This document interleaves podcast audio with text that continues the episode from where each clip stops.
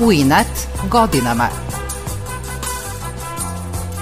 Emisija posvećena penzionerima.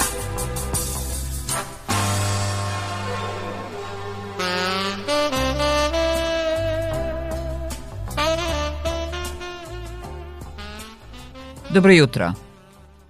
Danas ćemo ugostiti naše kolegu, tonskog snimatelja u penziji, 92-godišnjeg Đorđa Lučića. On je u Radio Novi Sad došao daleke 1955. godine i tu odradio svih 40 godina radnog staža. Aktivan je, uprkos godinama, i dalje eksperimentiše sa zvukom u studiju koji je sam napravio – U mladosti je bio član nekadašnje narodne tehnike koja je okupljala zaljubljenike u tehnička naučna dostignuća. Njega su još tada interesovale novine u radio i audio tehnici. On je i danas zaljubljen u zvuk i nove audio tehnologije. Zahvaljujući dobrom sluhu, uočavao je greške stranih novinara koje je snimao u našem radiju. Srećan je, kako kaže, što je imao priliku da prati brz razvoj radiotehnologije od one najjednostavnije analogne, kada je počinjao karijeru, do sadašnje elektronske. Ono što je zanimljivo, Čika Đorđe Lučić još ima aktivnu vozačku dozvolu. Đorđe Lučić se u februaru pre 67 godina zaposlio u Radio Novom Sadu. Tada nije bilo snimanja, nego je program emitovan uživo. Njegov prvi radni zadatak bio je prenos muzičke emisije. Direktor predajnika veze inženjer Đukić obilazio je tamo predajnik i slušao je prenos. Kad se završio prenos, telefonom je nazvao Imali su induktorski telefon, nazvao me i da čestite kako je kvalitet bio kao na televiziji. Ja tada nisam mogao zamisliti kvalitet zvuka na televiziji. Tako da mi je to bilo velika priznanje i satisfakcija za prvi moj posao koji sam radio. Uspeh na prvom radnom zadatku nije bila slučajnost, kaže Đorđe Lučić. Ja sam završio školu za vezu dve godine i tu sam naučio dobro radiotehniku, ali dve godine još nije uspelo da se zaposlim posle toga. U istoj školi gde se završio školu, posle sam je ostao još godinu dana da bude nastavnik. Tako da sam ja došao u radio sa punim znanjem i stvarno sve sam znao, sve što odmah od prvog dana. Prvi magnetofon za snimanje emisija u Radio Novi Sad stigao je krajem 1955. godine. Prvi magnetfon koji smo dobili bio je francuski magnetfon, Tolana se zvala mašina. Ta mašina je imala takvu osobinu da uvek od starta pokida traku, naglo trza. E sada, tehničar koji je radio, uplaši se pa i zaustavi. kad se to meni desilo u mojoj smeni, isto tu pukne traka, ja nisam zaustavio mašinu, nego sam dalje puštao, dalje traka da pada na zemlju. I da stvorila se velika gomila trake. E sad ovaj mene kaže, sad si ti uprplastio traku, ne može deslikirasti. Kako pada dole, tako se istim putem odmotava vraća zada. I tako da onda su i drugi tehničari to počeli raditi. Sve do polovine 60. godina Radio Novi Sad emitovao je program kao i većina radio stanica u svetu u monotehnici. Desetak godina posle uvođenja prvog magnetofona uvedena je i stereotehnika u našem radiju. Seća se Čika Đorđe. Prve stereo demonstracije koje su počeli da se u svetu već počelo da se uvodi, a mi još ništa nismo znali o tome. I neko iz Radio Beograda je poručio nekoga iz Bugarske jednog mladića, tehničara, da nam drži predavanje o stereo. On je donio uređaj, običan onaj Grundig TK46 za široku potrošnju magnetofon i nama pokazivao kao razliku između mono i, stereo snimanja. I tako da smo mi onda počeli kod nas da se uvodi stereo tehnika. U Radio Novi Sad dolazili su i strani novinari prilikom posete zvaničnih delegacija njihovih zemalja. Čika Đorđe se seća kada je došla ekipa kineskih novinara da snimi i pošalje izveštaje u svoje radiostanice. I sa tom prilikom kada je pogrešio reporter, ja sam ga odmah vratio nazad, a on je bio zabrinut kako ću ja to znati da ga nastavim gdje on pogrešio. Kad je završio, pita reporter, kaže, kako ja znam kineski? Ja kaže, ja ne znam kineski, ja slušam govor kao muziku. I sad ja znam gdje ste vi pogrešili, gdje je, neću da mnogo vratim traku nazad, jer tu bi se izgubio sigurno, onda u tom slučaju samo ovaj, vratim jednu rečenicu i onda tu odmah nastavim. A on je bio isto u, uigrani reporter i odmah je znao bez dogovora gdje da nastavimo. Takođe se seća saradnje sa reporterom Radio France Internationala na srpskom. Naime, u vreme prvih magnetofona prilikom montaže ton majstori, ne samo u Radio Novom Sadu, koristili su makaze da oceku iz snimka ono što ne treba da ide. Čika Đorđe je, kako kaže, usavršio montažu bez makaza u kojoj se nisu osetili rezovi. I nije pristao da mu montiram bez makaza. Mi smo radili bez makaza. A on kaže, ne, to treba makazama da se radi. A ja kažem, pa u tom slučaju ambijent kasnije koji ste izgovorili bit će ili jači glas u odnosu na prethodni glas i tu će se ostati da je sečena. Onda u ono vrijeme se samo radilo sa makazama, pravim makazama. A ja kad se to izmontiram, ne primeti niko da je to izmontirano. Ako je tako dobro izmontirano, ni ja koji sam montirao ne primetim razliku da je nije izmontirano. Nije te kako ja hoću, nego kako on. Ali sam mu pokazao, evo, vidite, sad tu gdje ste nastavili, tu je sad skočio glas, Mnogo lepih trenutaka, ali i nepredvidivih događaja obeležavaju karijeru svakog ton majstora. Đorđe Lučić pamti snimanje jedne radiodrame u vreme kada je još bio asistent snimatelja. Recimo, sećam se jednog snimanja radiodrame, jedne Šulhuf Jožef je bio pisac, knjiševnik i urednik dramskog programa, a Kiš Bela je bio snimatelj, a ja sam bio asistent, teče snimanje i sad na odlađeni šlagvort ja puštam traku, puštam traku i tišina, ne čuje se ništa. Ovo mi kaže, pa jesi pustio? Pa ide traka, ide traka. Kad sam ja pogledao, ja brišem traku. I onda sam uradio, počeo da plačem, strašno mi je bilo to da sam tako pogrešio i zaustavim traku, ja kad ne sekirajte se. Mala pauza i sad sam napravio nekoliko snimaka od ostatka muzike i od sredine napravim uvod ono i niko nije primetio da, to nije originala. Gotovo od samog osnivanja Radio Novi Sad emitovao je program na više jezika, a tonski snimatelji bez obzira na nacionalnost radili su sa svima. Nepogrešivo su otkrivali greške u čitanju, bez obzira na to što nisu znali jezik. Verovatno da, u svakom slučaju što kaže, govori mi mađarski, nemački sam govorio što kaže, molim engleski sam se koristio, ali u svakom slučaju za mene je, kažem, ono, ne slušam kao govor, ne razumem šta govori, ali znam gde je pogrešio i gdje treba da nastavi. To osjetim kad premotam traku, pa nisam se plašio da tog posla bilo 40 godina, da pun radni staž.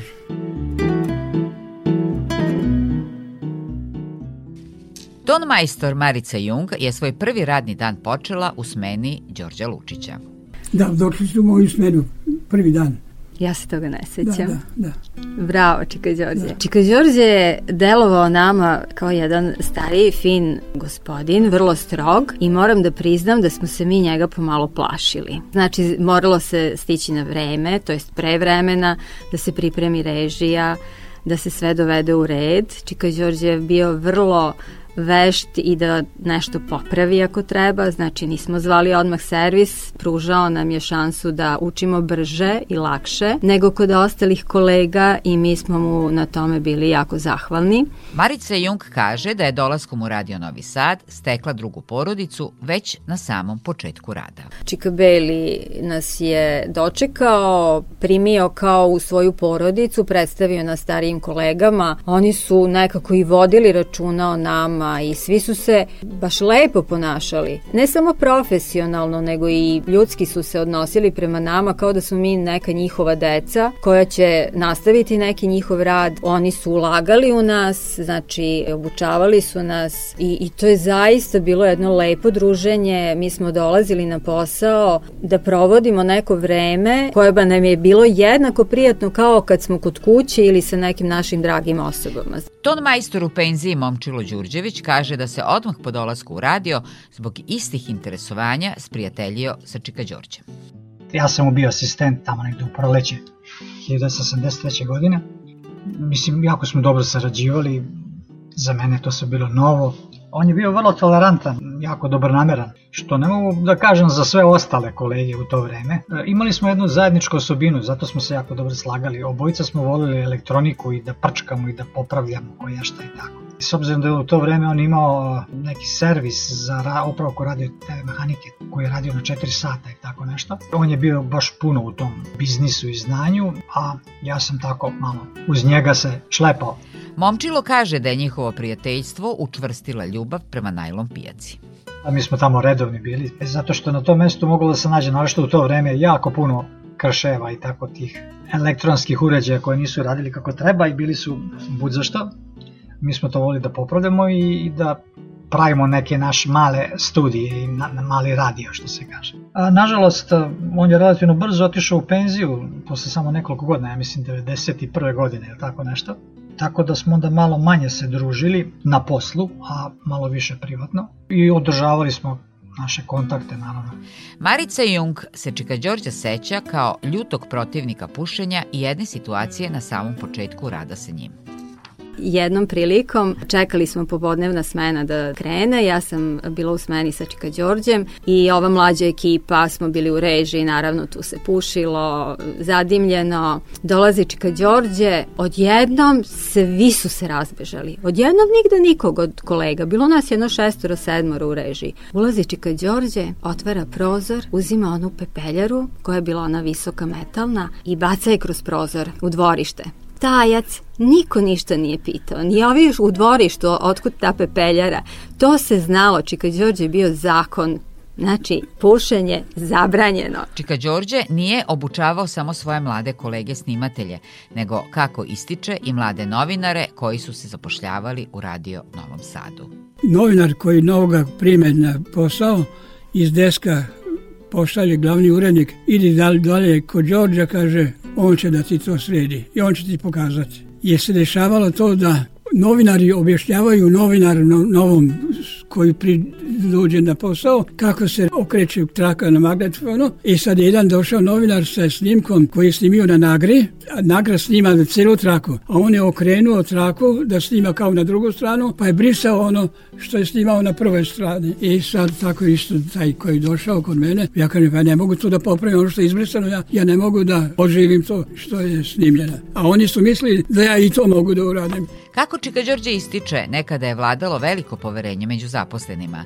Toliko su verovali jedni drugima da je on nekada birao i nove spikere za program. Takav zadatak mu je poverio nekadašnji glavni odgovorni urednik programa na mađarskom jeziku Lajoš Weber. Sad ja sam njemu rekao, ja mogu samo da utičem na, na kvalitet zvuka, na njegovu artikulaciju, njegov govor, dikciju, a za ostale sposobnosti ja ne mogu da kažem. Kaže, dovoljno i to da kažeš. I tako da došli, došli su nekoliko spikera, ja sam napravio nekoliko snimaka i poslao njemu gore i sad koga je on primio, to ne znam, ali uglavnom on je imao poverenja u mene da ja mogu da uradim nešto od njega.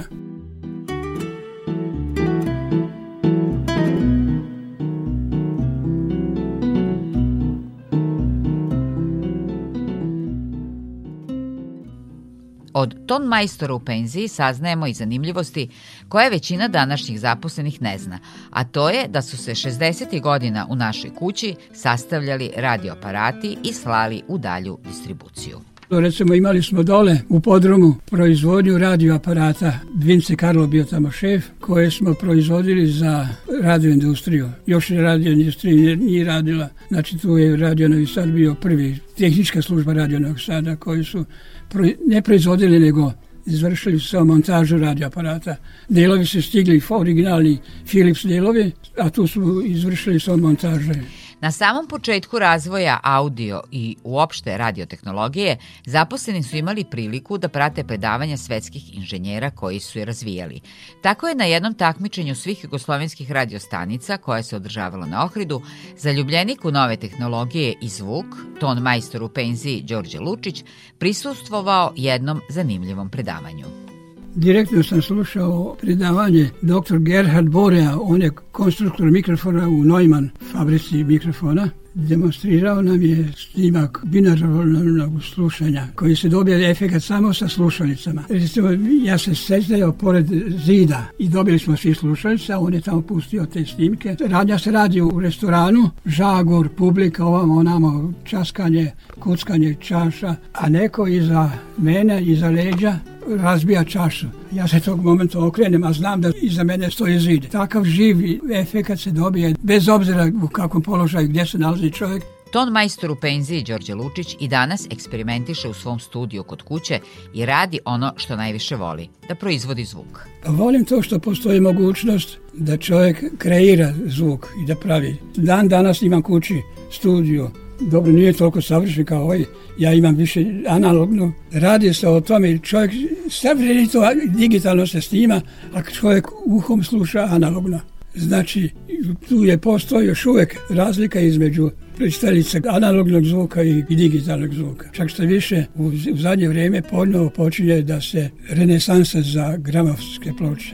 To već sada postoji neki trend. Čika Đorđe i danas ne propušta odlazak na najlon pijacu, gde kupuje aparate i pokušava da ih popravi to je lutrija kupiti nešto na najlonu. Pa ja. Da. popravim da. A ne može se popraviti. Današnja tehnologija je tako minijaturna komponente da to ne može rukom čovjek ništa da uradi. To sve rade roboti, mašine, tako i oni čipovi koji imaju 40 nožica sa jedne strane i sa druge strane 40 a ima četvrtasti koji su sa svih četiri strane ima po 40 pinova, to ne može zamisliti da se rukom skida nije ni predviđeno fabrički da se to popravlja ovi mo, digitalni telefoni, mobilni telefoni, to sve ne može da se popravljati. Nabavio je i kinoprojektor koji mu takođe prekraćuje penzionerske dane. Jako puno uređaja kupujem, tako da još uvijek dan danas. Ako najđu na jeftine uređaje, tako da uvijek ima, ima nešto. Imam video projektor, filmove gledam, audio slušam, sve imam to, sad mogućnost da, ali vremena nekad nemam interesovanje možda bi rekao, jer to iziskuje čovjek da se da reskira vreme samo za slušanje. A obično volim to da mogu da nešto radim uvek. Iako u desetoj deceniji života Čika Đorđe osim aparata popravlja i automobile. Kaže da mu je zdravlje dobro upravo zahvaljujući aktivnosti. Pored toga da još čačkam sa automobilima, popravljam automobile i tako. Imam još garažu i tamo imam isto ovaj, radionicu, tako da uvek imam, nađe se nešto. Nikad se neću dosađivati. Naravno, Čika Đorđe posjeduje i aktivnu vozačku dozvolu. Uglavnom, problem je to što u higijenskom zavodu, zavodu su mi davali na šest meseci, a ovo sam otišao na drugo mesto gde su mi dali dve godine. Uglavnom, operisao sam kataraktu i sad da opšte ne treba naučar opšte. Tako da mi sad i opšte nikakvi problem nije za vozačku dozvolu.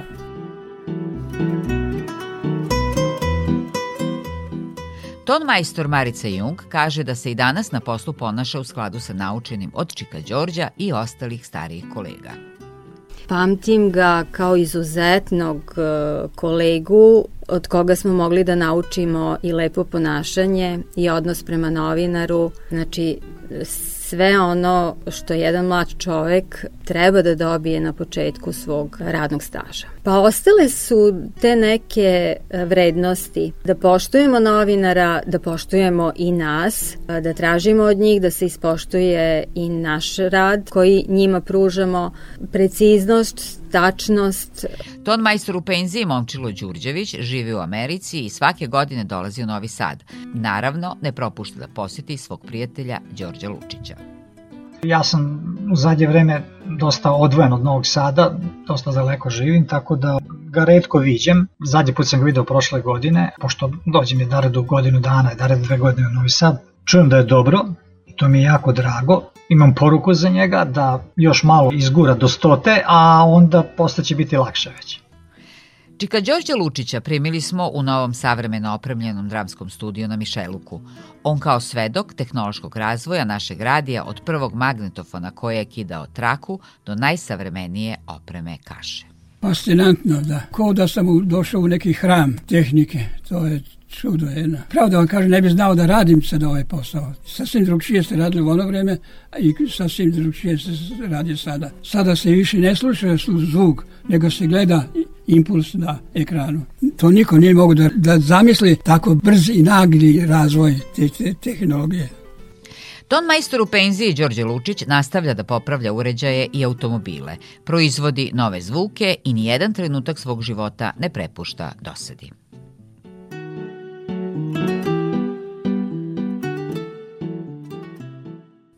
Bilo je to sve za danas. Do naredne subote pozdravljaju vas Nevena Vrtulek i tonski snimatelj Dalibor Vidović.